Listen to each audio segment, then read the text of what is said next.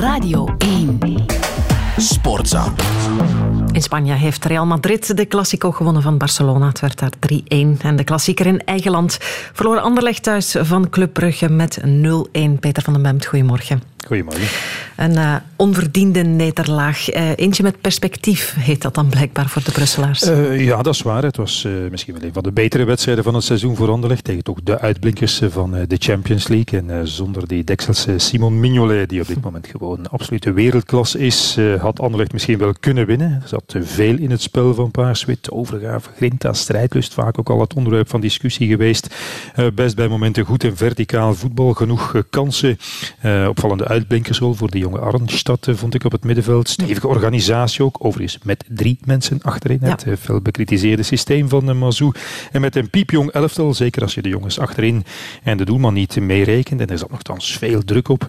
Want die tragische eerste helft in Mechelen, de redelijke non-prestatie tegen West Ham midweek, eh, opgeteld bij al die nederlagen al, ja, die zorgen toch voor een groeiende nervositeit op neer. Ja. Daar kan je niet omheen.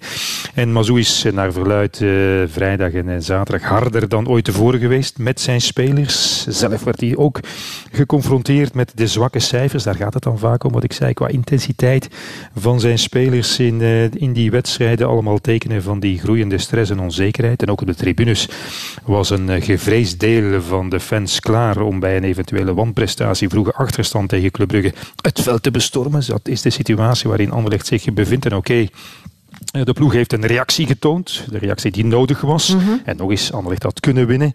En dan zag de wereld er vandaag natuurlijk helemaal anders uit. Maar goed, de realiteit is natuurlijk wel twee overwinningen in acht wedstrijden. Zeven op 24, negen matchen al in totaal verloren op 20. Dat is net niet de helft. Negen punten achterop nu bij de top vier. En onder meer nog naar Standaard zondag, naar Antwerpen tegen Genk. Dat is niet het ideale programma voor een reeks overwinningen. En dat is nogthans wat Anderlecht dringend nood heeft. Want ja, met elke nederlaag en ondanks... Uh, alle steun van de spelers in woord en ook in daad, zoals gisteren tegen Club Brugge, ja, wordt elke wedstrijd meer en meer toch, ja, ik zou zeggen, een soort test voor Felice Mazou als mm -hmm. trainer van Anderlecht. Ja, perspectief alleen, uh, dat zal uh, het niet halen. Nee. Uh, perspectief is er wel voor Racing Genk, hè, nieuwe leider in de hoogste klasse, want Antwerp verloor met 3-0 van Standaard. Hoe kwam dat? Maar ik denk twee elementen. Uh, voor eerst uh, te onderstrepen het, het uh, enthousiasme, de overgave, de kwaliteit van Standaard. met die mooie ontdekking, die 17-jarige Shanak in een hoofdrol. En nog eens alle lof voor de coach Deila daar. We hebben het al een paar keer gezegd. Die Standaard een geweldig elan heeft gegeven. En zelf ook nuchter blijft, midden de euforie. Hij zegt het werk is nog lang niet af. We zijn echt goed tegen sterke ploegen als ze het spel niet moeten maken. Die progressie moet Standaard nog maken om dat ook tegen mindere tegenstanders te doen. En een tweede element, natuurlijk Antwerpen dat niet klaar was, afgetroefd werd in de duels in die eerste tien minuten vooral langs alle kanten voorbijgesneld werd. En daarbij gaven spelers eigenlijk zelf ook expliciet aan dat ze toch een beetje een probleem hadden met die andere veldbezetting. Uh, en dat mag dan de coach Van Bommel zich aanrekenen. Ze hadden geen antwoord op, op die positie bijvoorbeeld van, uh, van de man die ja. ik net noemde, Chanak.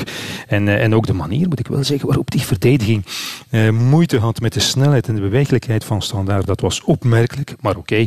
Okay. het was in zijn totaliteit eigenlijk. Ook nadien vond ik een, een zwakke wedstrijd van Antwerpen. De coach kan dan wel zeggen, na 10 minuten was het 0-0 in de laatste 80. Dat, dat slaat natuurlijk nergens op. Maar goed, het glas is nog altijd meer dan half vol ja. natuurlijk voor Antwerpen. 10 keer gewonnen op 12 wedstrijden. Maar tegelijk kan je ook zeggen, twee keer verloren in de laatste drie wedstrijden. Zondag, na een midweekspeeldag nog, de topper tegen die nieuwe leider Racing Genk. En ook nog duels later voor de wereldbeker eraan komt tegen Anderlecht, tegen Club Brugge. Ja, je kan natuurlijk in de laatste maand voor het WK ook nog veel weggooien. Ja, alert blijven is daar de boodschap. Um, Agent heeft zijn wedstrijd gewonnen van KV Mechelen. Opvallend wel dat daar geen feeststemming bij hoorde. Nee, Gent, voorzitter De Witte en uh, coach van Hazenbroek, die liggen blijkbaar in de clinch met elkaar.